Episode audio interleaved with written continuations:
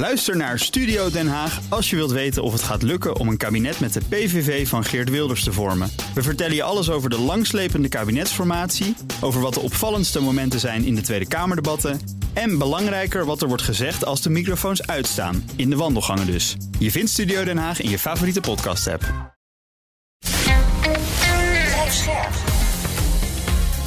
BNR Nieuwsradio. Boekenstein en de Wijk. Paul van Liemt. Welkom bij Boekenstein en de Wijk. Het is maandag dag 565 van de oorlog in Oekraïne. Hugo maar die geniet even van een welverdiende vakantie. Wij gaan praten natuurlijk, zoals altijd beginnen, met de situatie op de grond. Rob, wat is die situatie? Weinig nieuws, uh, feitelijk. Uh, maar dat betekent niet dat er uh, geen vorderingen worden gemaakt. Als je gewoon kijkt wat er gebeurt, dan moet je constateren dat bij de Robotine, hè, dat ligt dus in die Zaporizhia Oblast, helemaal in het westen, anderhalve kilometer is veroverd. dat is echt een klein, klein gebied.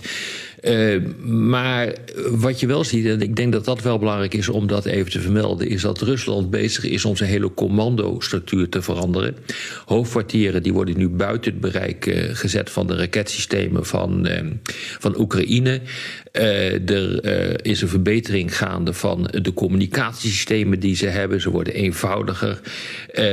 en wat je ook ziet is dat er een verandering plaatsvindt in het doelwittenbeleid van de Russen. Uh, uh, voorheen was het zo dat ze grote aantallen uh, soorten munitie op de Oekraïners afvuurden. Van raketten tot granaten van artilleriestukken.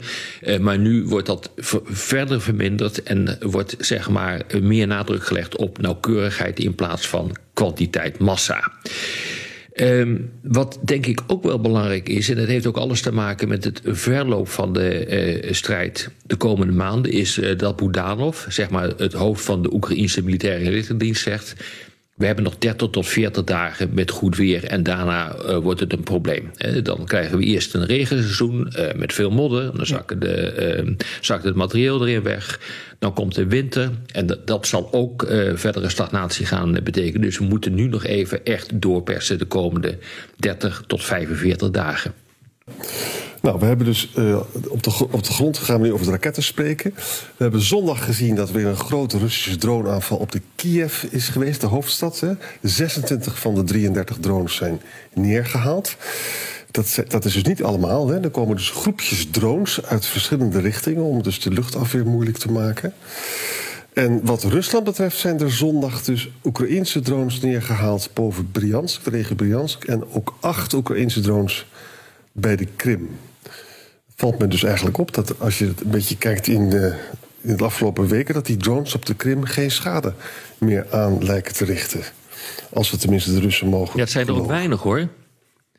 Ja, het aantal, weinig, de aantallen, ja. die, blijven, die blijven relatief weinig. Hè. En het past ook wel, vind ik, een beetje in het beeld van wat Roesjes heeft gezegd. Dat is een, een soort, ja, een extreem rechtse paramilitaire Russische groep. Het, uh, zouden zich bezig met sabotage en dat soort uh, uh, zaken. Die zijn dus helemaal niet eens met wat Poetin het allemaal aan het doen is. En wat je daar ziet op dit ogenblik is dat ze zeggen van ja, er zijn enorme problemen van de Russen aan het front en dat moet allemaal veranderd, veranderd worden.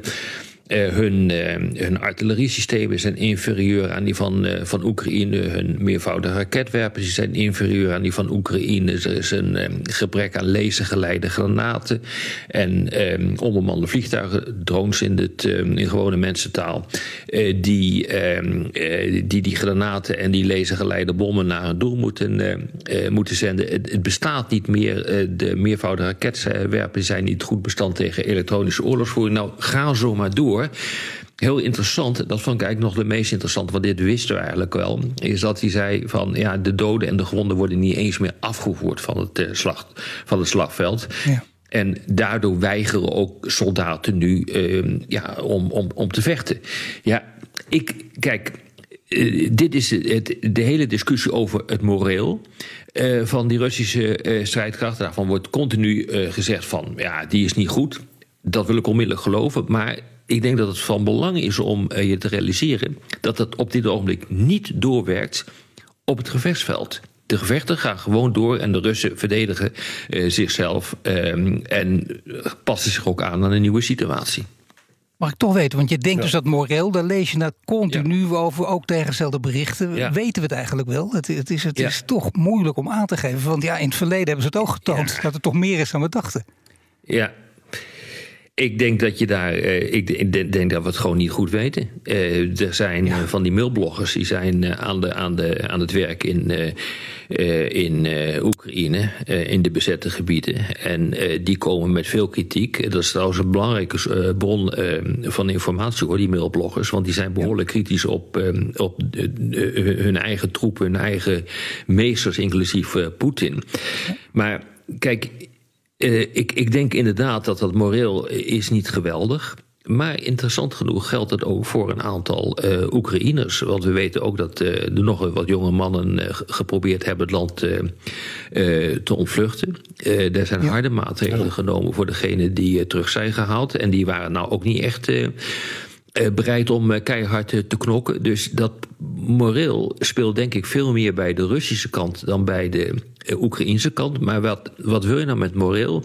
Als je wordt aangevallen en je wel moet verdedigen, omdat je anders zeker doodgaat. Dus ik, ik denk dat, dat die hele discussie over dat moreel, die wordt ook opgeblazen. Ik moet eerst zien wat er gebeurt door slechtere moreel aan het front.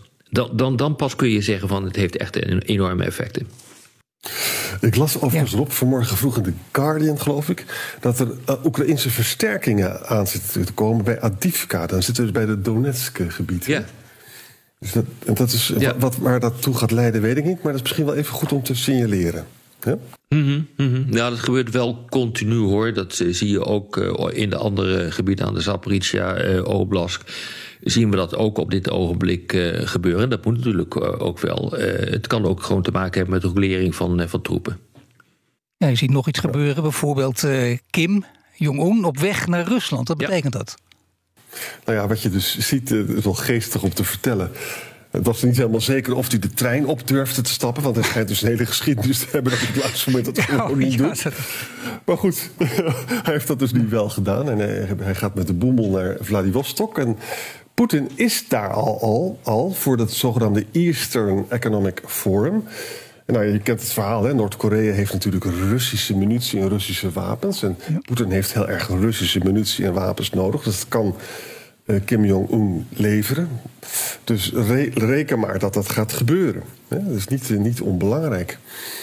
Uh, en moet het ook eventjes verbinden, denk ik, dit hele verhaal met... nou, wacht even, het is een win-win situatie, ja. hè, Arend Nou, even, toch even een punt hierop. Dit is ook een win-win situatie voor zowel de Russen als voor uh, de Noord-Koreanen. Uh, Noord-Korea heeft uh, voedselhulp nodig, heeft steun nodig bij de ontwikkeling van zijn raketten, heeft steun nodig bij zijn economie om die overeind te houden. Rusland heeft die wapens nodig. Nou, dat, dat kan makkelijk geregeld worden door door Noord-Korea. Maar een heel belangrijk punt voor Kim is natuurlijk dat hij gewoon aandacht wil. dus uh, hoe meer hij in het nieuws uh, komt, hoe beter het is. Uh, want hij wordt natuurlijk door die Oekraïne-oorlog en door zo'n G20... wordt hij gewoon helemaal uit het nieuws gedrukt. Dus af en toe moet hij gewoon wat. Moet hij weer een konijn uit de hoek toveren. En dit zou er één kunnen zijn om duidelijk te maken... ik ben er ook nog en je moet bij mij rekening houden. Het heeft ook een geschiedenis, het is echt ongelooflijk land. Hè? Van uh, herrie maken en dan vervolgens gaat Amerika dan weer uh, Noord-Korea paaien met steenkolenleveranties en met voedsel en zo. Ja. Het is werkelijk zoiets te treurigs, dat land. Hè? Maar het is win-win, heeft helemaal gelijk in. Ik hoor ook eh, G20 in een van de zinnen van Rob. Dat is natuurlijk ook een belangrijke. Waarom is die G20 zo cruciaal? Of was die zo cruciaal? Ik vind die, die, die G20 inderdaad wel cruciaal. Omdat uh, ja, dat communiqué is op zich veel zeggen. Maar ik heb die twee communiqués van Bali en van nu naast elkaar gelegd. En wat je dan ziet is dat de tekst bijna letterlijk hetzelfde is. Er is alleen één punt, uh, daar verschilt hij in. En daar is dus wekenlang over gesteggeld. En dat is op zich wel opmerkelijk. Want dan zie je namelijk hoe hoe de, hoe de diplomatie werkt. Wat er op een gegeven moment in staat, is dat men verwijst naar eerdere uitspraken binnen de VN-veiligheidsraad en de Algemene Vergadering. En dan wordt in dit communiqué wordt er een stop gezet. Uh, en in het vorige communiqué stond, comma, waar een meerderheid in de sterkst mogelijke bewoordingen Rusland veroordeelde. Dat zinnetje is nu weg. Dat is het grote verschil tussen dit, uh, tussen dit communiqué en het vorige communiqué. En wat je ziet is dat Lavrov, de minister van Defensie, dit nu, van Buitenlandse Zaken van Rusland, dit nu als een mega ehm, overwinning beschouwt. En dan wordt het interessant. Dan wordt er een, een link gelegd met de BRICS. Nou, jullie weten dat twee weken geleden de BRICS bij elkaar zijn gekomen. Die is uitgebreid. Uh, die is veel anti-westerser eh, geworden. En dat, datzelfde proces zie je nu gebeuren binnen de G20. En daarom is deze vergadering ook zo uh, belangrijk. De Afrikaanse Unie is nu permanent lid geworden van de G20. Dat betekent dat 80% van de wereldeconomie nu verenigd is in die G20. En als je dan bedenkt hoe de Veiligheidsraad uh, op dit ogenblik eigenlijk niet meer functioneert, dan zie je dat de grote geopolitieke problemen hier worden besproken. Terwijl als je het communiqué leest, er in die, uh, dat communiqué wordt gezegd van nou, die geopolitieke problemen, daar is dit niet de plaats voor. En vervolgens is het alleen maar geopolitiek wat je, wat je leest. Dus ook de graandeel eh, met Rusland is door Erdogan eh, besproken met, eh, met Lavrov. Er is niks uitgekomen. Maar wat er wel is uitgekomen, bijvoorbeeld, zijn opmerkingen over versterking van het multilateralisme. Nou, het multilateralisme betekent dus dat de internationale organisaties, die belang zijn voor de, van belang zijn voor de internationale betrekkingen, dat die nu eigenlijk worden, ja, op, op, zo opnieuw worden ingericht, zo worden hervormd, dat ze de belangen van de Global South Afrika, Zuid-Amerika, Azië veel meer meenemen. Dus wat hier gebeurt, is, is de verbouw van de wereld. Dat zie je gewoon voor je ogen vertrekken. En daarom is ook deze bijeenkomst buitengewoon eh, belangrijk. Vooral ook omdat de Afrikaanse Unie gaat toetreden. Ja, de steun voor Oekraïne is dus per saldo minder. Hè? De resolutie is, is magerder dan Bali, zoals Rob ook zei. Dat is belangrijk om vast te stellen. Klopt. Het is niet goed voor Oekraïne. Ja. Verder, uh, wat ik interessant vind, is dat dus, uh, Biden was er natuurlijk wel bij. Die gaat natuurlijk dan gelijk ook uh, praten hè, met India zelf. Ja. en dan, je moet, je moet bedenken, Amerika moet dan dus One Belt, One Road compenseren. Ze hebben, Chinezen hebben enorme investeringen daarin gedaan. Hè. En daar is natuurlijk India onderdeel van. Maar dat moet gecompenseerd worden. Nou, wat heeft nou Biden bedacht? Amerika stopte 3,3 miljard in en dan gaan ze leverage, hefbomen, weet je wel, via de Wereldbank. En dat zou dan uiteindelijk 200 miljard kunnen worden in een gigantisch ontwikkelingsfonds, waar Amerika zelf weinig in hoeft te stoppen. Uh, om dus daar uh, allemaal uh, om armoede te bestrijden, maar ook infrastructuur. Ziet dus op allerlei manieren probeert Biden dus die obor, zeg maar, politiek van China te compenseren. Ja, dit kunnen we koppelen, denk ik, hier uiteindelijk aan, aan, ja, aan, aan Biden en Vietnam. Kijk, dat is, dat, dat is een onderdeel van dit verhaal van deze nieuwe stappen die genomen worden, of niet? Ja, zondag is Biden dus doorgereisd naar Vietnam. Ja. Moet je voorstellen, het land waar dus de Vietnamoorlog plaats heeft gevonden. Ja. En daar is dus al een halve eeuw is daar dus uh, uitgebreid diplomatiek contact naar alle ellende die er is geweest. Dat is eigenlijk heeft eh, Amerika dat heel knap gedaan. Hè? Dat zou je niet verwachten als je dat iemand van een maanbewoner zou moeten uitleggen dat er dan warme eh, banden met de Vietnam zouden komen na die oorlog. Maar dat is dus wel gebeurd. Nou, ook hier is het zo dat de diplomatieke relatie met Amerika is nu op hetzelfde niveau als de Vietnamese relatie met China. Uh, en ook met Rusland. Dat, zo lang heeft dat dus geduurd, maar nu is dat dus formeel uh, bevestigd. Het probleem voor Vietnam is wel, het leger is natuurlijk uh, met name voorzien van Russische wapens. Dus ze zijn ook ja, afhankelijk van Rusland. Maar er wordt nu wel gesproken misschien over een F-16-deal.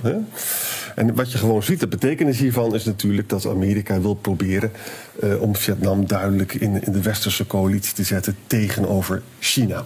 Biden heeft dat op elke mogelijke manier ontkend hè, in Vietnam. Dus ik ben helemaal niet voor om China in te dammen en zo, weet je. Zo gaat dat dan. Ja. Maar het is natuurlijk gewoon klassieke uh, indammingspolitiek. Ja, ik, ik mag ja, absoluut. nee, daar heb je helemaal gelijk in. En, en de wereldorde verschuift waar je bij staat. Ik bedoel, dat, dat begrijp ik nu ook beter. Dat geeft aan, hè. Dat, is, dat is het cruciaal natuurlijk. Die G20, wat hier ook gebeurt. Ondenkbare zaken, maar het gebeurt nu allemaal recht voor je ogen. Ja. Ja, dat, klopt. En als je dus kijkt, hè, wat Vietnam is toch bijzonder. In 1995 hebben we een normalisatie gezien van de betrekking tussen Amerika en, uh, en Vietnam.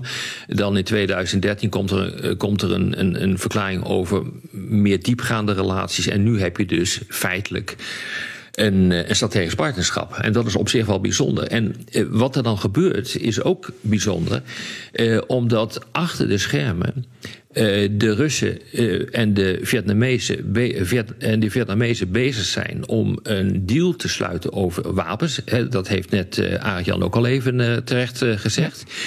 Maar die, daar speelt een joint venture een belangrijke rol in. Rus-Viet Petro, dat is een energie-initiatief uh, uh, dat uh, olie en gas moet gaan transporteren vanuit Siberië onder andere naar, naar Vietnam.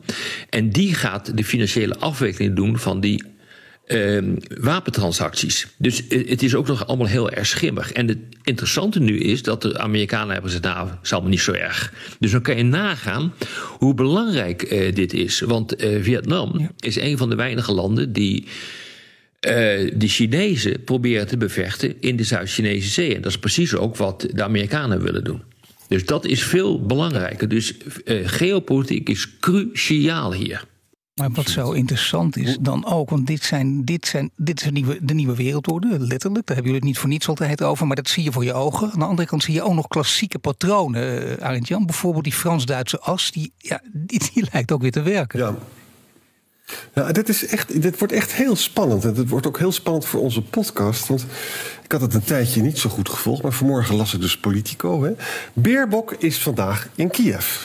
En die zegt gewoon, uh, ja. de EU-uitbreiding is onvermijdelijk. Dat moet gaan gebeuren en Oekraïne hoort er ook bij. Natuurlijk, ze moeten grote stappen zetten, maar dat moet geopolitiek gaan gebeuren. Nou, Frankrijk schijnt dat ook te vinden. Dat is, was nieuw voor mij, want Frankrijk remde altijd. Hè. Nou, en dat betekent dus dat als je dan gaat praten met topambtenaren... ze zeggen van, nou, we gaan dat doen, maar we gaan het niet doen met de verdragswijziging. Want dan krijgen we al die referenda in Europa. We gaan het doen via de Lissabon-loodgieter-methode. Nou, waarom is het allemaal zo spannend? Hm. Als dit echt gaat gebeuren, en geopolitiek is hier heel veel voor te zeggen... dan betekent dat dat het gemeenschappelijk landbouwbeleid ontploft. Dat betekent dat de besluitvormingssystemen in Brussel ontploffen. Er is dus een gigantische verbouwing van het Europese huis nodig. Ik ben er voorstander dat het gebeurt. Maar dat dat zonder slag of stoot zal gaan, of zelfs dat de EU daar misschien onder zou kunnen bezeiken, is allemaal denkbaar. Dus het wordt, hier gaan we nog heel veel podcasts over maken. Denk je niet, Rob? ik denk het ook. Ik denk dat je helemaal gelijk hebt. Nou mannen, we krijgen altijd, zoals jullie weten, heel veel vragen binnen. Dus morgen gaan we er weer een paar behandelen. Tot morgen. Ook Diana Matroos vind je in de BNR-app. Ja, inderdaad. Je kunt live naar mij luisteren tijdens de Big Five. Ook handig in de BNR-app. Breaking nieuwsmeldingen, maar ook het allerlaatste zakelijke nieuws. En je vindt in de app alle BNR-podcasts, waaronder Wetenschap Vandaag. Download nu de gratis BNR-app en blijf scherp.